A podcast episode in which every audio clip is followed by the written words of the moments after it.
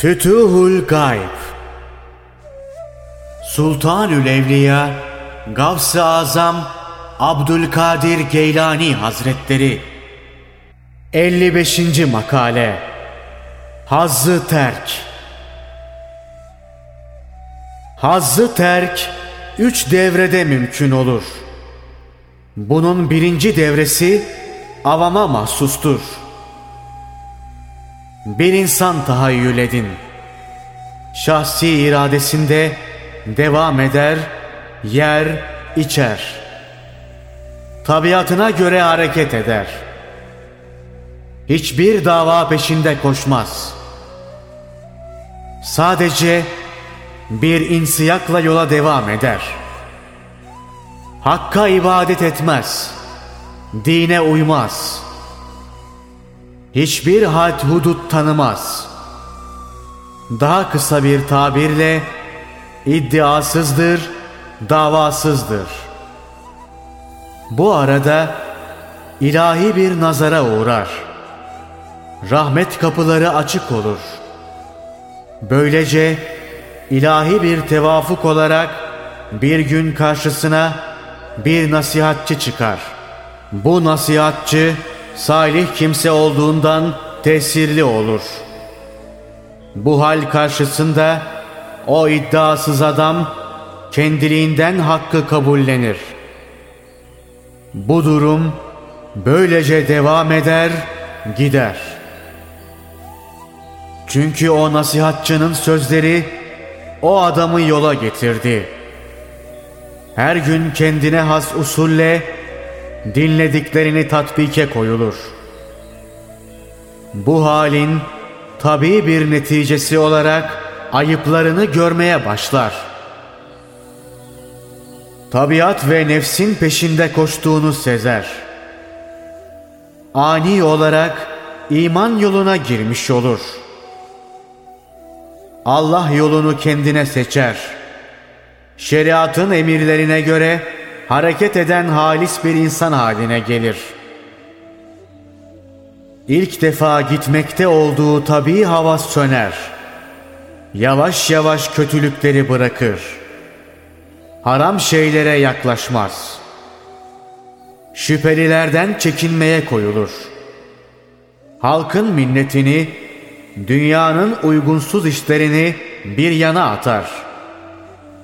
Allah'ın verdiğine ve onun emirleriyle gelene bakar. İslam dininin helaldir dediği şeyleri alır. Yemesinde, içmesinde, giyiminde, kuşamında ahlak ve fazilet yolunu arar.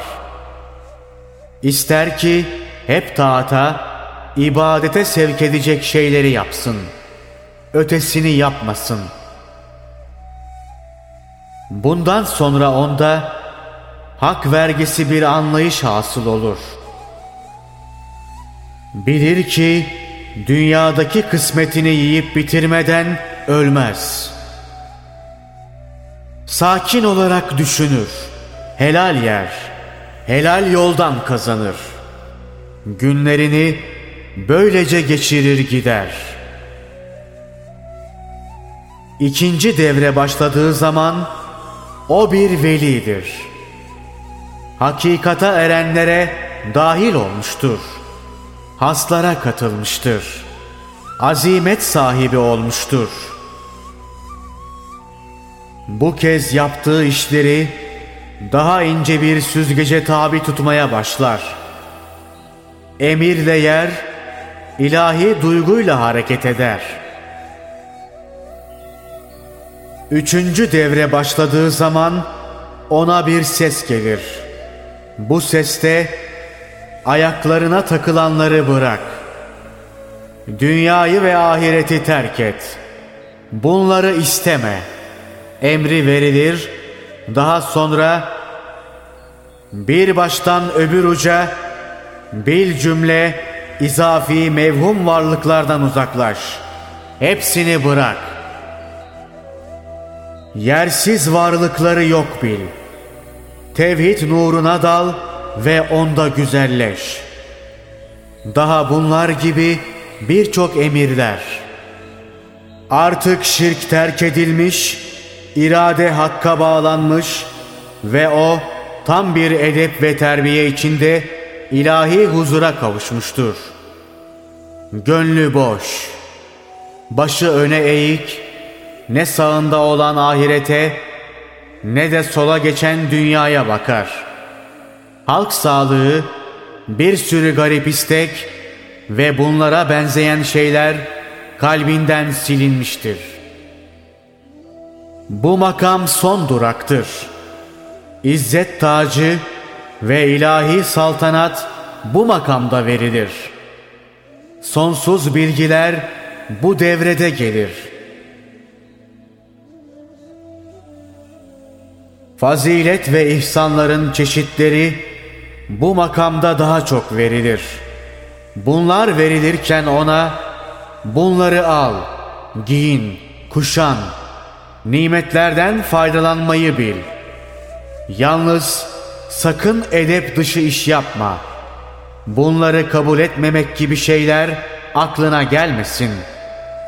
Çünkü iyiliği kabul etmemek sahibine hakarettir.'' Nimeti az görmektir denir. Alır, giyer, yer, içer.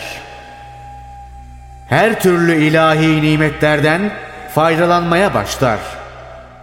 Bir zamanlar nefsinin emriyle aldığı şeyleri şimdi kudret eli ona verir. Nimetlerin alınması ve yenmesi için bazı haller vardır.'' Bunlar dört kısımdır. Birincisi tabidir. Nefse, şeytana uyarak yemektir. Bunu hemen söylemek lazım gelirse, haram olduğunu söyleriz. İkincisi, Kur'an ve hadiste belirtileni yiyip içmektir. Yani kitap ve sünnete göre. Bu şekilde bir yiyip içmek şer'idir.'' Adıysa helal ve mübah. Üçüncüsü emirle almak. Herhangi bir işi yapmak için ruhi bir emir beklemek. Bu iyidir. Fakat herkeste olmaz. Yalnız velilerde olur. Dördüncüsü bu en üstün derecedir. Burada emir istek ve arzu herhangi bir işaret beklemek yoktur.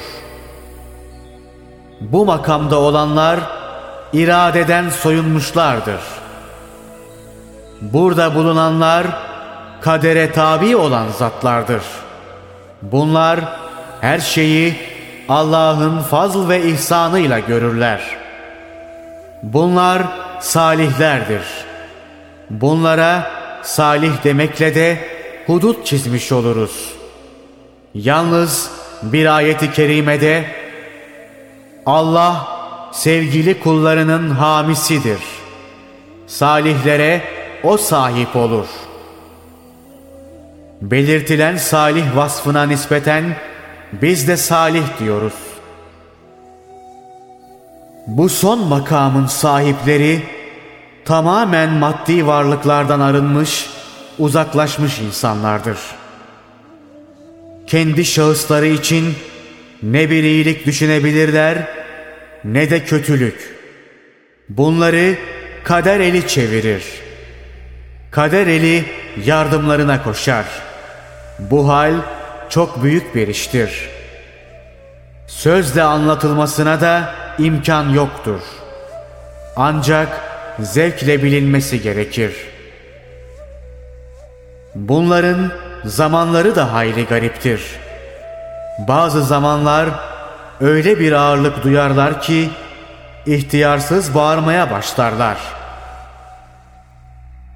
Fakirlik veya zenginlik bunlar için bir mesele olmamasına rağmen dilenmeleri de mümkündür. İşte bunların ömrü çok garip hadiseler içinde geçip gider.'' Olacakları kadar olmuşlardır. Allah kutsiyetlerini arttırsın.''